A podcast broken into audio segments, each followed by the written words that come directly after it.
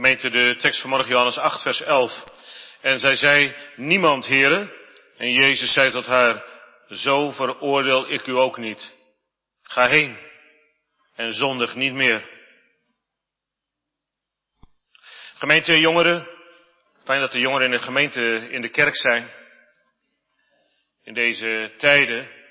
In Matthäus 7 staat, oordeelt niet opdat u niet geoordeeld wordt. En dan horen we de Heer Jezus Christus, die zegt dat. Oordeel niet met opdat u niet geoordeeld wordt. Want met het oordeel waarmee u oordeelt, zult u zelf geoordeeld worden. En met welke maat je meet, zal er bij u gemeten worden.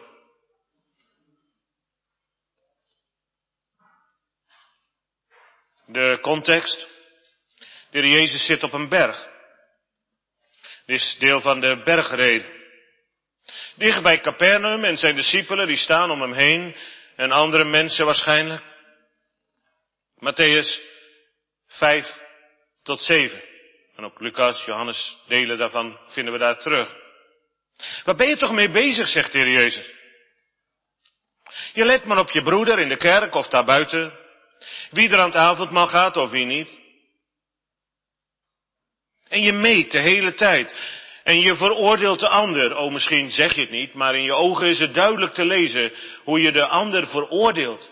Wat doet hij dat raar? Wat een vreemde man is dat. Wat zegt hij dat gek? Waarom zie je nou die splinter in het oog van een ander, zegt de Heer Jezus. Een splinter, kinderen, is zo'n klein stukje hout. Als je met iets aan het doen bent thuis en opeens voel je dat in je vinger en dan kun je het niet eens goed zien. En dan zit er zo'n klein houten dingetje in en dat weet je, want dan, dat doet pijn. En dan moet je, moet je moeder met zo'n naald dat eruit halen, want, of een pincet. Want het, iedere keer als je met je vinger ergens aan zit, dan doet dat pijn. En je kan gewoon niet meer verder, want iedere keer dan voel je dat. Zo'n heel klein dingetje. Een splinter. De heer Jezus zegt, er zit zo'n klein splintertje in het oog van de ander. Zo'n heel klein dingetje. Maar kijk nou eens in de spiegel, zegt de heer Jezus, daar zit een balk in uw eigen oog. Een hele groot stuk hout, zouden we zeggen. En dat zie je niet, maar je ziet wel in het oog van die ander dat kleine splintertje. En dan wil je dat splintertje eruit halen terwijl je eigen oog helemaal dicht zit van die grote balk. Ja, dat begrijpt wel, toch? Stel je voor dat je met dat pincet dat kleine splintertje uit je vinger haalt, kinderen, en je doet dat met je ogen dicht. Dat zegt de Heer Jezus eigenlijk. Nou, dan snap je het wel. Dan moet je dat zo voelen. Waar zit mijn vinger? En je kan helemaal niet zien waar die splinter zit. En dan moet je gaan voelen waar die zit. Ja, nou voel ik hem. Dat kan niet. Dat begrijp je ook wel. Dat kunnen toch veel kritiek hebben. De dominee. Want die zegt niet wat we zelf willen horen. Op de kosten, de kerkenraad, organist. De buurvrouw. Ja, wat is de Jezus toch duidelijk? Zo helder. Gaat u nadenken als u de woorden van de Heer Jezus hoort of niet? Als de Jezus u niet laat nadenken, gemeente, wie dan nog wel? Als de woorden van de Heer Jezus voor u niet van goud zijn, als u ze leest in de Bijbel, wiens woorden dan wel? Of kan het u niet schelen? Het interesseert je gewoon helemaal niet. Dat kan niet. Ik zei het al in het gebed. Ik ben bezig met een preek in Oldebroek, dat weten ze nog niet, maar dan staat het van die tekst. Vreselijk is het te vallen in de handen van de levende God. En terwijl je het leest, dan, dan sidder je van binnen. Dan denk je, ja, zo zal het zijn. Als je de Jezus Christus niet als je verlosser hebt. Vreselijk zal het zijn dan om te vallen in de handen van die God. Die God waar we net van gezongen hebben. Die zo de ziekte, de krankheden kent en liefderijk geneest. Die zo wil ontfermen en wil beschermen. Die wil vergeven. En de preken van de Heer Jezus interesseren u niet? Is niet zo goed gemeente. Heb je hem sowieso niet lief. Dan doe je sowieso niet wat de Heer zegt in de wet. God liefhebben, hoe? Met je hele hart, met je hele ziel, met je hele verstand, met al je kracht. Nou, alles wat je hebt. En je naast als jezelf. En als je de Heer niet lief hebt, ga je verloren, toch? Hoe is uw relatie tot Hem? Maar hoe is ook uw relatie tot uw naaste? De naaste zijn die andere mensen om u heen. Niet alleen de lieve aardige mensen, maar ook die vreselijk nare mensen die zo, zo naar tegen je doen. En het tweede eraan gelijk is, u zult uw naaste lief hebben als uzelf. Alles over hebben voor je naaste, voor de eeuwigheid.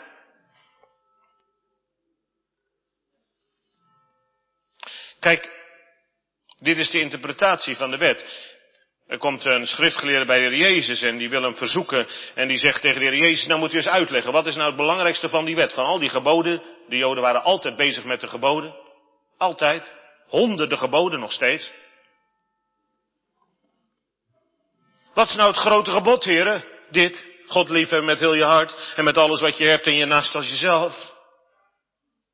Dus die mensen proberen de hele tijd, die fariseeën en de schriftgeleerden, om de Heer Jezus te verzoeken. Misschien doe je dat ook wel eens met je vader en moeder, dan blijf je allemaal van die vragen stellen waarvan je al weet dat ze ze niet weten. Snapt u? Dat doen mensen soms ook bij een dominee, dan zeggen ze, nou moet u me toch eens uitleggen hoe dat zit met die vis met Jona, want dat kan toch helemaal niet? Nee, dat begrijp ik ook niet hoe dat kan. U wel? Begrijpt u hoe iemand uit de dood op kan staan? Begrijpt u hoe de wereld in zes dagen geschapen kan worden? Heb ik daar een wetenschappelijke verklaring voor? Natuurlijk niet, gemeente. Maar de Heer zegt het in zijn woord en dan geloof ik dat. En dan zeg ik tegen mensen, nou dat is goed, we gaan eens een hele dag over, over Jona en die vis praten. Maar als u tot bekering bent gekomen, dan wil ik er een hele dag aan wijden. Dan, dan mogen we er eindeloos over doorpraten. Over die vis en hoe het dan zat en hoe het dan moest en met die zuurstof. Maar eerst moet u tot bekering komen, dan doen we dat. En dan hoeft het nooit meer. De Jezus, die zo gehaat werd. De Heer Jezus, die ze zo probeerde te pakken, te grijpen, te verleiden, de foute dingen te laten zeggen. Ziet u het voor u? Dat is de context, gemeente. De Heer Jezus die eigenlijk niet naar Judea en Jeruzalem wil. Waarom niet? Omdat, Johannes 7, ze proberen om de Heer Jezus te doden. Had u nog gegaan? We hebben minder nodig om niet naar de kerk te komen, toch? Als u weet dat de, dat de kost je wat aandoet, dan, dan kom je niet. Maar weet u, het is nog erger. Dan staat er in Johannes 7, vers 5, dat zelfs de broers van de Jezus hem niet geloven. Die zijn met hem opgegroeid. Ze hebben gezien dat de Jezus een andere jongen was, die nooit zondigde, nooit boos werd, ze nooit in elkaar sloeg, nooit vloekte, nooit schold, nooit rare dingen zei. Ze wisten dat de Jezus anders was en zelfs zijn broers geloofden niet in hem. Nee, weet je wat het is? De wereld haat hem. Vergis u niet, gemeente. Als ze de Heer Jezus Christus gehaat hebben, wat denkt u dat ze met de mensen uit de kerk zullen doen? Met zijn, zijn kinderen zullen doen? Die haten ze ook. En waarom haten ze me, zegt de Heer Jezus? Omdat ik zeg dat hun werken slecht zijn. Ja, dat is altijd lastig natuurlijk. Dat vind ik ook niet fijn. Als iemand zegt dat doe je fout, toch? Maar als iemand tegenover je staat en die zegt je werken zijn slecht, je werken daar ga je mee verloren. En je, nou die hoef ik niet meer, die man. Die dominee hoef ik niet. Als iemand je de spiegel voorhoudt, dan denk je, ja dat is toch echt niks. Ik, dat wil ik niet, ik laat me niet gezeggen. Zoals bij mensen die willen gaan scheiden, zeg ik, u mag niet scheiden. Dat staat toch gewoon in de Bijbel, dat hebben we net gelezen. Ik laat me niet gezeggen wat ik doe. Ik wil mijn vrijheid en mijn rust terug. Ik ga scheiden. Een paar dagen later, die vrouw die dat zo, en die man allebei trouwens, die dat zo pertinent zeiden. Ik werd er gewoon koud van van binnen toen ik het hoorde. Ik dacht, heeft de Bijbel dan helemaal geen zeggenschap? Een paar dagen later, de vrouw ernstig ziek. En ze dacht dat ze niets meer eraan konden doen. En de Heer deed het wel, ze leeft nog, jaren geleden. Zo barmhartig is de Heer. Maar ze zijn wel gescheiden. En het geluk hebben ze niet gevonden. Ik hou die spiegel voor, zegt de Heer Jezus. Ziet u die mensen staan, ook vanmorgen? En toch gaat de Heer Jezus naar Jeruzalem. Hij moet er naartoe. Zijn vader wil dat hij erheen gaat, naar het feest. Niet openlijk, maar verborgen. In het Grieks staat het woord crypto. Dat begrijpt u wel. Jongens, begrijpt dat wel. Cryptomunten. Crypto, dat is een Grieks woord. De Heer Jezus ging in het verborgene naar Jeruzalem. En die Joden zoeken hem. Waar is hij nou? Dan kunnen we hem doden. En ze weten het ook niet zeker wat dat is met de Heer Jezus. Er is gemompel, gemor onder de gemenigte. Johannes 7, vers 12. Sommigen zeggen de Heer Jezus is goed. En anderen zeggen nee hoor, hij, hij misleidt de gemeente, de mensen. Ze weten het niet. Ze voelen het aan dat het anders is. En ze horen dat zijn woorden waarheid is. En ze voelen dat van binnen. En toch hebben ze een hekel aan hem en ze haten hem. Maar ze gaan toch luisteren. Ze gaan hem toch zoeken. En dan vinden ze hem. In de tempel. En ze verwonderen zich over zijn woorden, over de preek. Ze slapen niet, ze luisteren. Hoe weet deze man deze schriften? Hoe kan, hoe kan de heer Jezus nou de Bijbel zo uitleggen, zouden we zeggen? Hij heeft geen eens geleerd, hij is niet eens op de universiteit geweest. Op, hoe kan hij dat nou allemaal weten, wat er staat in de Bijbel? De heer Jezus legt de Bijbel aan die mensen uit.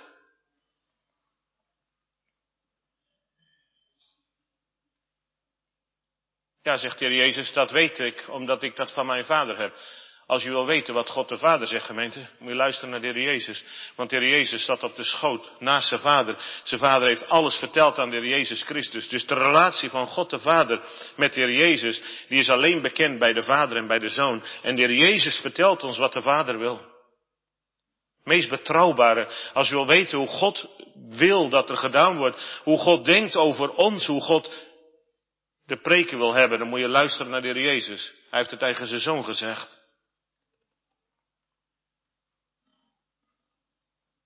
Ik spreek niet van mezelf, zegt de Heer Jezus.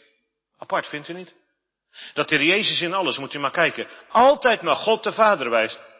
Je hebt over mensen, je hebt alleen maar over de Heer Jezus, nooit over God de Vader, alsof hij niet bestaat. God de Vader is genadig in de Heer Jezus Christus en de Heilige Geest werkt het in je hart. De Vader, de Zoon en de Heilige Geest. Niet één of twee, nee alle drie.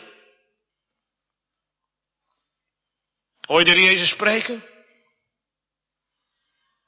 Waarom zoeken jullie mij te doden, zegt de Jezus tegen ze. Ze ontkennen het, maar de Jezus weet alles.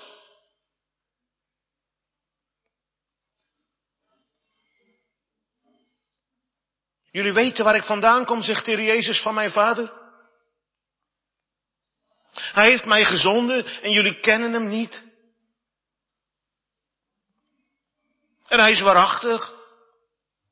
Ja, dan willen ze hem grijpen. Sommige mensen willen hem dan grijpen.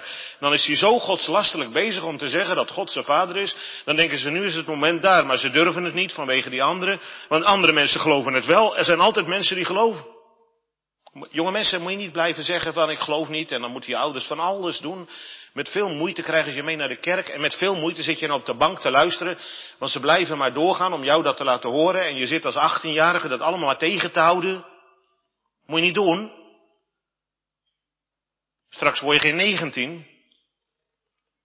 En je weet precies wat om gaat. Ook als je 16 bent, dan hoor je toch wat er gepreekt wordt.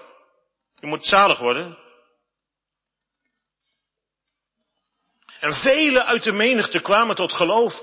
O gemeente, u kunt uw hele leven dat tegenhouden. Uw hele leven dingen verzinnen waarom u niet gelooft in de Heer Jezus.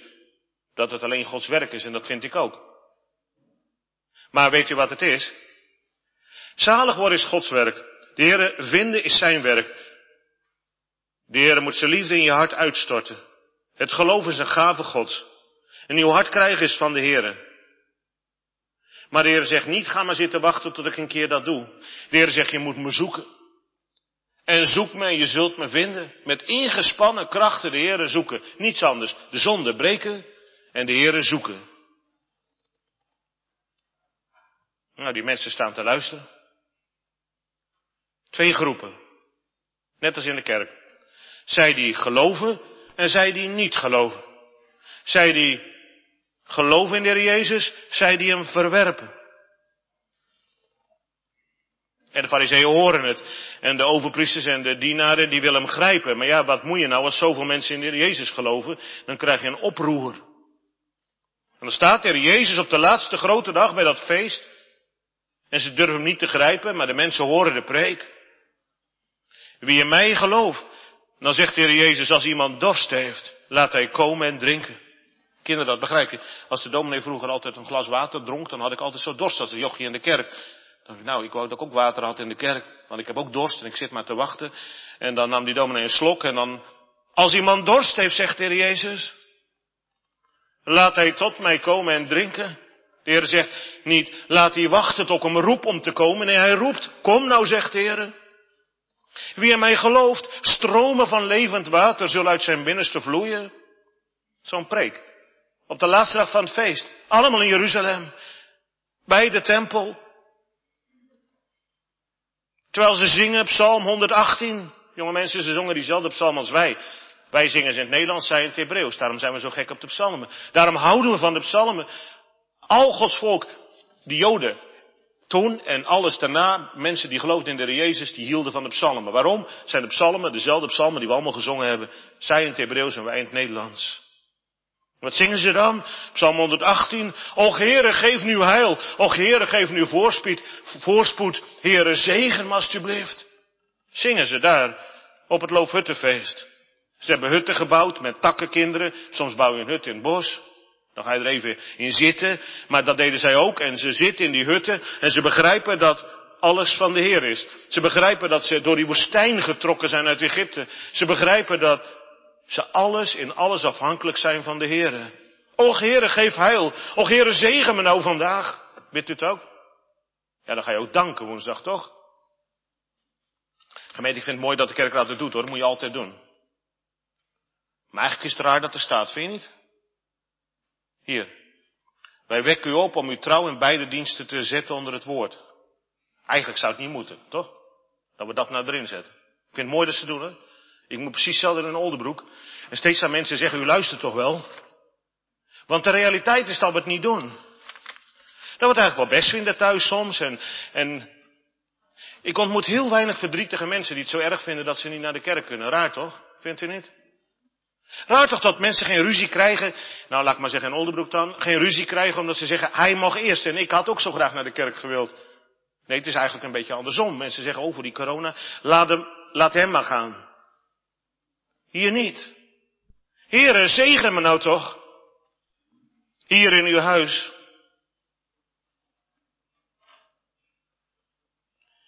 En dan gaan ze naar huis. Ze hebben de preek gehoord. Ze hebben precies die woorden van de Jezus gehoord, net als u. U gaat ook straks naar huis. Nou, dat doen die mensen ook, naar een mooi huis. U hebt, woont hier prachtig, schitterend. Ik heb veel gereisd in mijn leven, maar ik denk dat dit van de mooiste plekken ter wereld zijn, waar u woont. Van de mooiste huizen moet je eens kijken in de rest van de wereld. Oh, wat heeft de Heer ons verschrikkelijk rijk gezegend. Een land in vrede en rust en al die dingen. Prachtige huizen, prachtig bos. Toch, met die herfstkleuren. Geld genoeg, brood altijd op tafel. Of nou van de voedselbank komt of ergens anders vandaan. Maar we hebben brood. Zo gezegend. Weet je wat er dan staat? En ieder ging naar zijn huis. En Jezus? Die ging naar de olijfberg. Die ging naar de berg. Die had geen huis. Geen haard, geen familie die op hem wacht. Moet je het niet vergeten. Als je zo druk bent met uw huis altijd. Dat de Heer Jezus dat nooit hoefde te doen, want die had geen huis. Die had geen mooi, groot, duur huis. Met een hele mooie grote tuin. De Heer Jezus zegt, de vossen hebben holen in het bos. Een hol waar ze in zitten. De vogels in de lucht hebben nesten, daar gaan ze in zitten te slapen en de broeders hun eitjes uit. Maar de zoon des mensen heeft niets waar hij zijn hoofd neer kan leggen. Wilt u luisteren op de Heer Jezus Christus? Je de Jezus Christus volgen? Misschien eindigen we wel in het bos. Jezus op de berg. Wat zou de Heer Jezus daar gedaan hebben, gemeente? Die berg waar hij ook heen moet voor de kruisdood. Wat zou de Heer Jezus nou op die berg gedaan hebben? Ik denk gebeden. Denkt u niet? Staat er niet. Maar in Matthäus 14 staat het wel. Als hij de schade achter zich gelaten had, klom hij op de berg alleen om te bidden. En zo was hij daar alleen, staat er in Matthäus 14. Dus de Jezus zocht de rust, de stilte op om te bidden. Moet je ook doen. Je mobiel uit en alles uit wat maar elektronisch is. En dan ga je eens bidden, alleen. Zonder allemaal herrie om je heen. Bidden. En de volgende dag komen die mensen weer terug in de tempel en ze zoeken de Jezus. Waar zou die nou zijn? Ik wil weer die preken horen. En gelukkig is de Jezus er ook. Terug van de berg. Terug van het gesprek met zijn vader. Terug van de moed en de kracht die hij gekregen heeft. De Jezus was ook mens. Zij toch, de Jezus wilde ze grijpen en doden. De Jezus was ook mens, gemeente. En dan terwijl hij aan het preken is, dan wordt de rust verstoord. Dan gebeurt er iets wat de mensen afleidt. We waren net aan het zingen, zeg maar. En toen ging de kosten naar boven om dat ding dicht te doen. Ik dacht, ik dacht even, die jongens die zitten niet stil, dan moet hij dat gaan zeggen of zo. Maar gelukkig was dat niet zo. Dan, dan zie je dat er iets verandert. Maar stel je nou voor dat er gebonkt wordt op de deur. En, op, daar, en dan komen er zo mensen naar voren lopen, ouderlingen die thuis zaten. Met een vrouw in het midden. Dat gebeurt er. Ze brachten een vrouw die op overspel betrapt was. Dus je ziet het voor je. De Jezus die preekt, zeg maar in de kerk, bij de tempel. En ze brengen zo'n vrouw binnen. Schaars gekleed, tuurlijk, want ze was gegrepen op de daad. Die vrouw die brengen ze zo voor de Jezus. Daar staat ze met haar ogen naar beneden. Bij dat feest, dat Loofhuttenfeest, ze zullen wel gedronken hebben en te veel misschien. Begrijpen wij toch ook wel? Ik hoop niet dat we het doen. Op verjaardagen en feestjes. Want dat gaat het snel mis, gemeente. Bij die getrouwde vrouw ook, ze doet overspel. Ze wordt gepakt tijdens de seksuele daad, snap je? Trouwens, het is zo gebeurd, dat weten we toch, mannen, jongens? Als je in de puberteit zit, begrijp je het al. Zomaar die ene vonk in je ogen. Zomaar dat ene fractie van een seconde, je ziet iemand. En de begeerte stuurt omhoog. Geen mens ziet het, maar je voelt het. En de lust regeert. De hele dag kun je nergens anders meer aan denken. Aan dat ene beeld. Aan wat het opriep bij je. En je wil nog maar één ding. De bevrediging van je lusten, toch? David wist er alles van. S'avonds loopt die man op dak, had hij helemaal niet moeten lopen. Die koning wandelt. En die vrouw die gaat in bad. En dat ziet hij. Die, waarom ze nou zo in bad gaat, terwijl iedereen dat kan zien, weet je ook niet. Was ook niet goed. Maar David zag het, hij zag dat ze heel knap was en David kon nog maar één ding denken, die vrouw wil ik hebben. En dan stuurt hij ze knecht, gaat hem maar halen. En dan zeggen ze tegen de koning, is dat niet Batseba, de dochter van Eliam, de vrouw van Uria, de Hethiet? Koning, is een getrouwde vrouw. En hij stuurt toch mensen om dit te laten halen. Tuurlijk, want hij wil, hij wil die lust bevredigen. Je kan als ouders van alles proberen om geen, je kinderen geen seks voor het huwelijk te laten hebben, toch? Maar als ze het willen, doen ze het. Moet je niet doen, jonge mensen. Want de Heer wil dat niet. De Heer wil dat seksualiteit voor het huwelijk is. Niet, of in het huwelijk is, niet voor het huwelijk. En je hebt er alleen maar ellende van. Want als je doet wat de Heer verbiedt, dan krijg je die rust niet in je leven. En je hebt er jaren later last van. Maar David die gaat gewoon verder. Hij sliep met haar. En dan gaat ze terug naar haar eigen huis.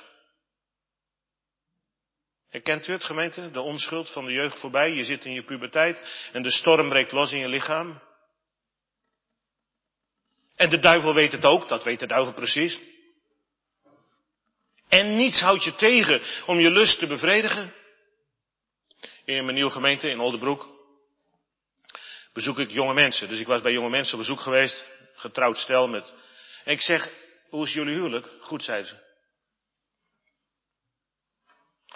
Een paar maanden later, toen kon ik die man maar niet uit mijn hoofd krijgen. Ik dacht, ik ga die man gewoon opbellen. Ik weet niet waarom ik aan die man moet denken steeds. Ik zeg, ik bel die man op. Ik zeg, of er is een probleem in uw leven, u doet een zonde. Of er is een ander probleem, een zorgelijk iets. Ik krijg u niet uit mijn hoofd. Wat is er? Een jonge man hoor. Hij zegt, Dominik, ik ga vreemd. Kijk, en dan begrijpt u gemeente dat het proces wat er volgt, gelukkig zijn ze bij elkaar gebleven. Wat een zegen als een vrouw dat, dat kan, als je man je zo bedriegt. Want je hoeft niet uit elkaar. Mag, maar het hoeft niet. Hierom. Paulus zegt toch tegen Romeinen 7, ik wil het goede doen. Oh, en dan voel ik die andere macht in mijn lichaam, die wil precies het tegenovergestelde. Mijn vlees en mijn geest, met mijn geest wil ik de Heer dienen, maar mijn vlees en mijn lichaam wil heel wat anders. En die wint het zo vaak in mijn leven. Met pornografie of zo. Wat zegt u? Ik heb er geen last van. Ik, heb, oh, ik weet niet waar u het over hebt de laatste paar minuten. Nou, dank er de Heer voor. Op je knieën. Die vrouw die weet er alles van. Ze wordt meegesleurd uit het huis. Naar de tempel om haar verdiende straf te ondergaan. Het oordeel zal worden geveld. Dat begrijpt ze ook. Want ze weet wat er staat in de wet van Mozes. Wat? Exodus 20 vers 14. Gij zult niet echt breken. Heb u gehoord? Ze moet gestenigd worden. Dat weten ze.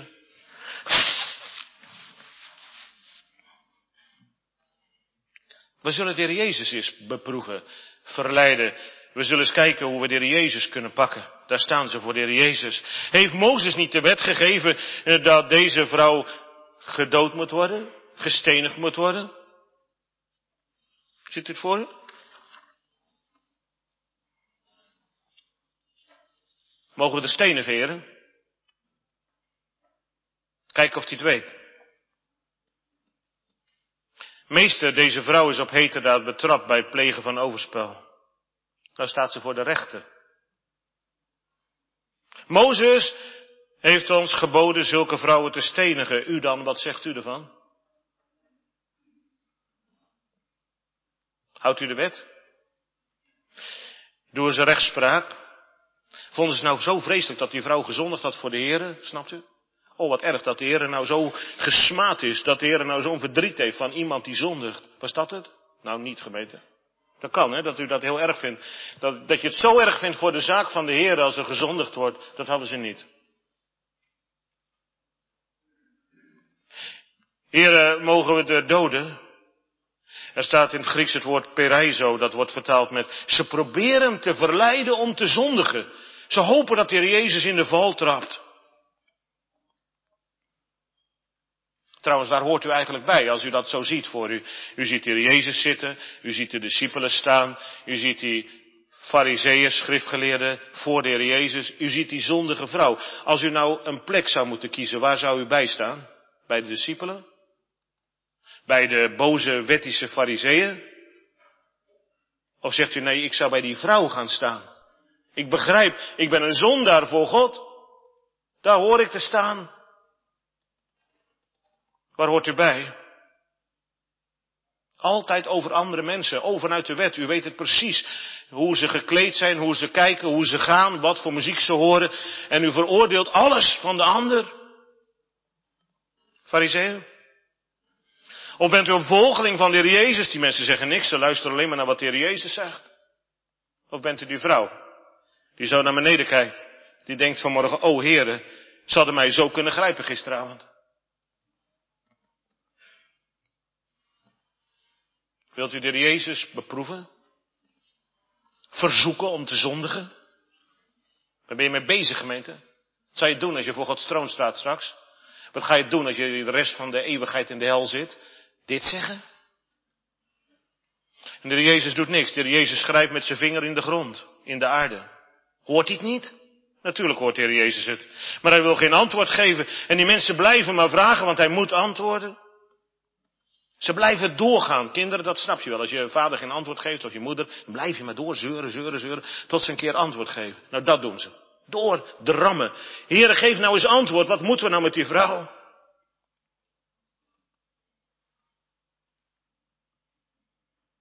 Ze vragen niet, Heere, wilt u de zonde vergeven? Dat had ook gekund, toch? De heer Jezus die gezegd had, wie gezond is, heeft geen dokter, geen medicijnmeester nodig, maar die ziek zijn. Je gaat niet naar de dokter als je gezond bent. Ik ben gekomen waarvoor? Voor, niet voor rechtvaardige mensen. Ik ben gekomen voor zondige mensen. Voor zondaren. Voor de grootste zondaren. In Jeremia staat een tekst, Jeremia 17 vers 13.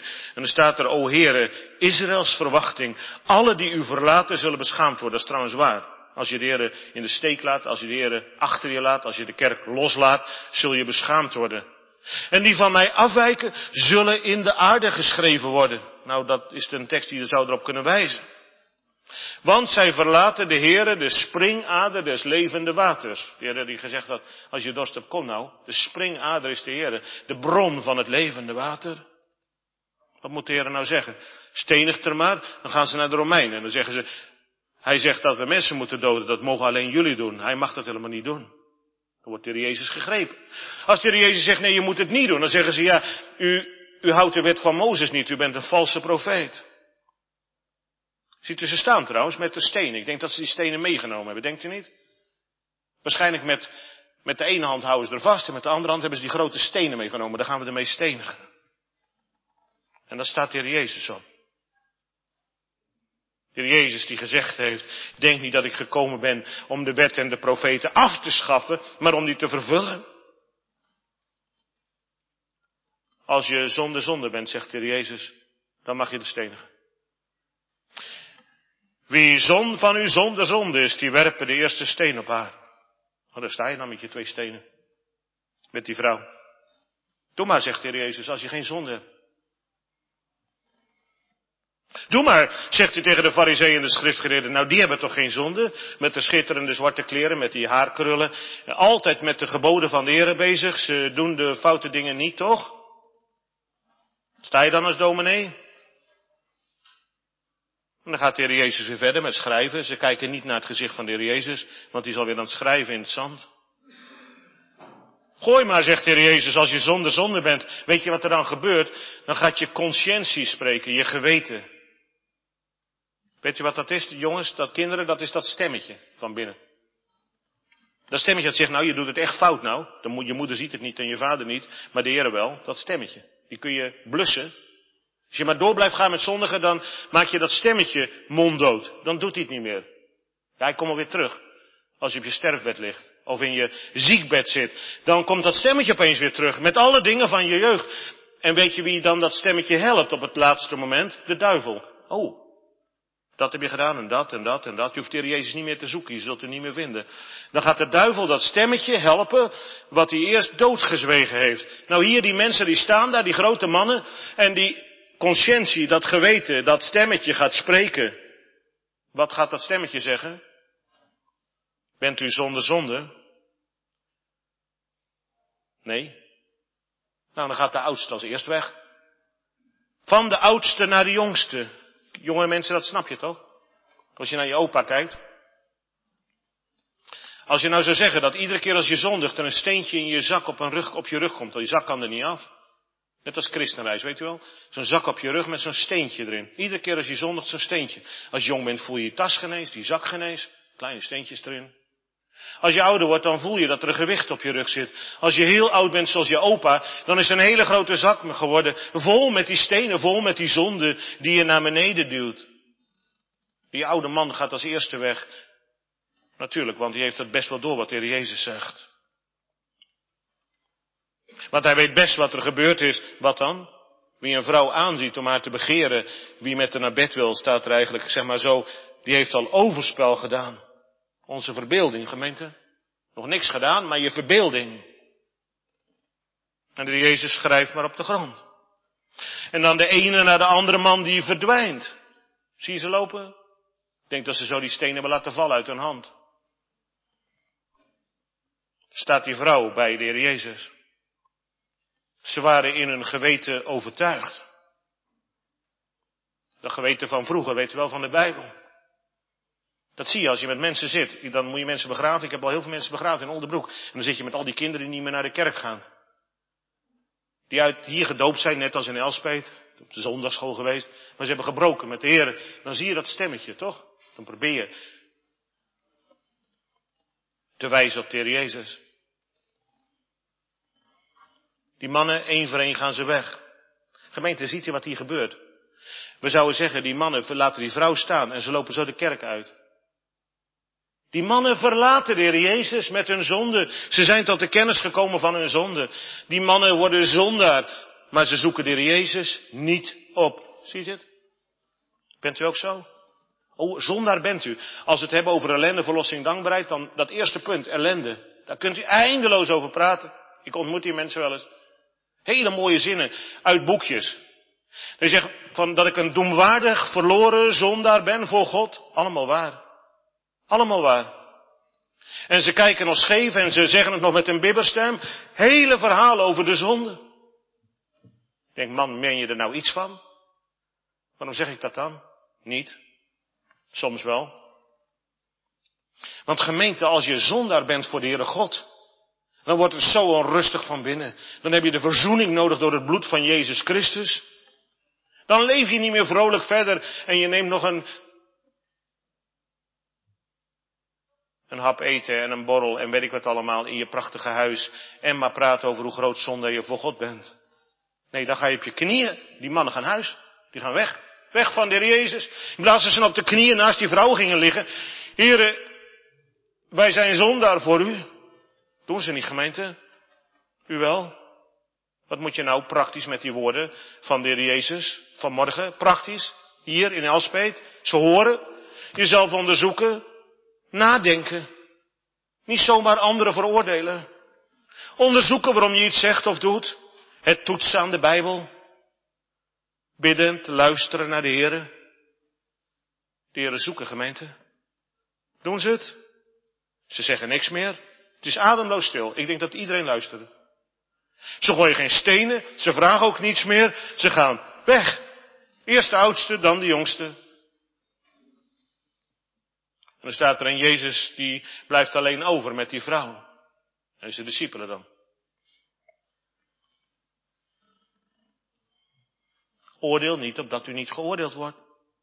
Want het oordeel waarmee u oordeelt, zult u zelf geoordeeld worden. En met welke maat u meet, zal er bij u gemeten worden. Dat had de Heer Jezus precies gedaan bij die mannen. En ze zakken de test. U ook? Ben nog geen zondaar van God geworden? Waarom niet? Begrijpt u niet wat we gelezen hebben in de tien geboden? Begrijpt u niet wat de Heer in zijn woord zegt, dat u niet kan bestaan voor God? Begrijpt u niet dat er straks een oordeel komt en dan moet u uitleggen wat u gedaan hebt? Begrijpt u niet dat u de Heer Jezus Christus dan nodig hebt op dat moment als advocaat die zegt, deze vrouw, deze man, deze jongen hoort bij mij? Snapt u dat niet? Wat begrijpt u niet? Begrijpt u niet dat de Heer Jezus dan op dat moment niet zal komen als u hier niet tot bekering bent gekomen? Staat er toch? Of waagt u het er maar op? Zou ik niet doen, gemeente? Die mannen zeggen niet, o zonen Davids, ontferm u mijner. Heere, ontferm u nou toch over mij. Waarom niet? En dan richt Heer Jezus zich op. En dan ziet hij al die mannen zijn weg. Waarom hebben ze niet geroepen? Heer, door goedheid aangedreven bent u mild in schuld vergeven. Wie u aanroept in de nood vindt u gunst oneindig groot. Nee, ze zijn weg. Waar zijn ze? zegt de Jezus tegen die vrouw. Waar zijn uw aanklagers? Heeft niemand u veroordeeld? Niemand, Heer. Dan doe ik het ook niet, zegt de Jezus. Ga maar naar huis. En zondig niet meer.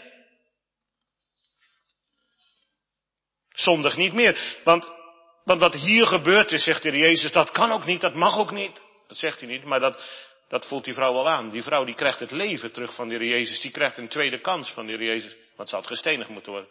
Ik denk dat ze dat gedacht had toen ze meegesleurd werd door die straatjes in Jeruzalem. Nu gaan ze me straks stenigen. Ik zie, ik zie mijn man, die nooit meer. En mijn kinderen misschien niet meer. En dan mag ze zo naar huis lopen. En niemand houdt het tegen. En niemand wil er stenigen. Gemeente, de Heer Jezus Christus, die je zonde vergeeft. De Heer Jezus die niet de mens nu wil veroordelen. De Heer Jezus die wil dat je zalig wordt. De Heer Jezus die wil dat u terechtkomt aan de voet van het kruis. Vind je het niet opvallend dat de Heer Jezus niet boos wordt op de fariseeën terwijl ze hem proberen te verleiden? Niet boos wordt op die vrouw die dat gedaan heeft? Niet boos wordt op de discipelen die ook niks zeggen? Maar dat de Heer Jezus als de Zoon van God zo liefdevol voor die vrouw staat. Liefdevol voor die fariseeën staat. Liefdevol. Ja, gemeente, hij ontdekt ze aan zichzelf. En ze voelen het aan. De preek heeft zijn werking wel. Maar ze blijven in de ellende hangen. Ze komen niet bij de verlossing. De verlossing hebben ze niet nodig. En dankbaar worden ze nooit. Gemeente, bent u overtuigd van zonde? Vlucht tot de Heer Jezus Christus. Wat zegt u, kan niet vluchten? Ga me heel hard roepen. Net als dat verloren schaap. Heren, ik kan niet vluchten. Heren, mijn vader en moeder hebben gezegd dat ik niks kan vluchten. En ik durf niet te vluchten. Ik kan niet vluchten. Heren, ga maar heel hard roepen. Dan komt, de, dan komt de herder dat verloren schaap zoeken. Dan komt hij u zoeken. Ga blijf net zo lang roepen tot hij komt. Hij zal komen. Bent u gekomen om de vergeving van uw zonde? Hoor de woorden van de Heer Jezus is.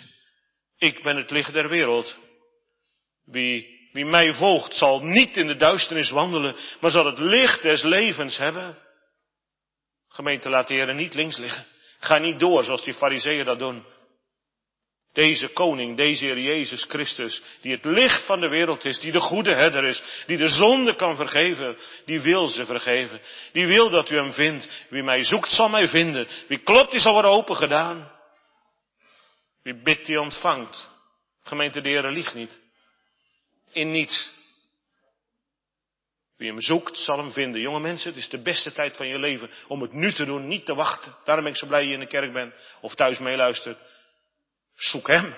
Want wie hem vindt, vindt het leven en die vindt alles. Alles. Ja, want als de Heer tot je gaat spreken, gemeente. Als de Heer uit die liefde, die zondaarsliefde, in je hart gaat spreken en je de zonde vergeeft, dan moet u wel weten trouwens. Niet altijd weifelend en twijfelend over deze wereld gaan. Dan zeggen tegen mensen, mag u er nou iets van geloven? En dan nooit die zekerheid, nooit die duidelijkheid. Als je geen zekerheid hebt, moet je dat biddend aan de Heer vragen. Heer, bevestig het uit uw woord. Dat ik die zekerheid, die vreugde mag hebben. Ellende, verlossing en dankbaarheid. Dan zal de Heer het geven. En u zult niet in het duisternis wandelen. Wandel achter de Jezus aan. Hem volgen is wandelen in het licht. Is thuiskomen tot in eeuwigheid. Amen.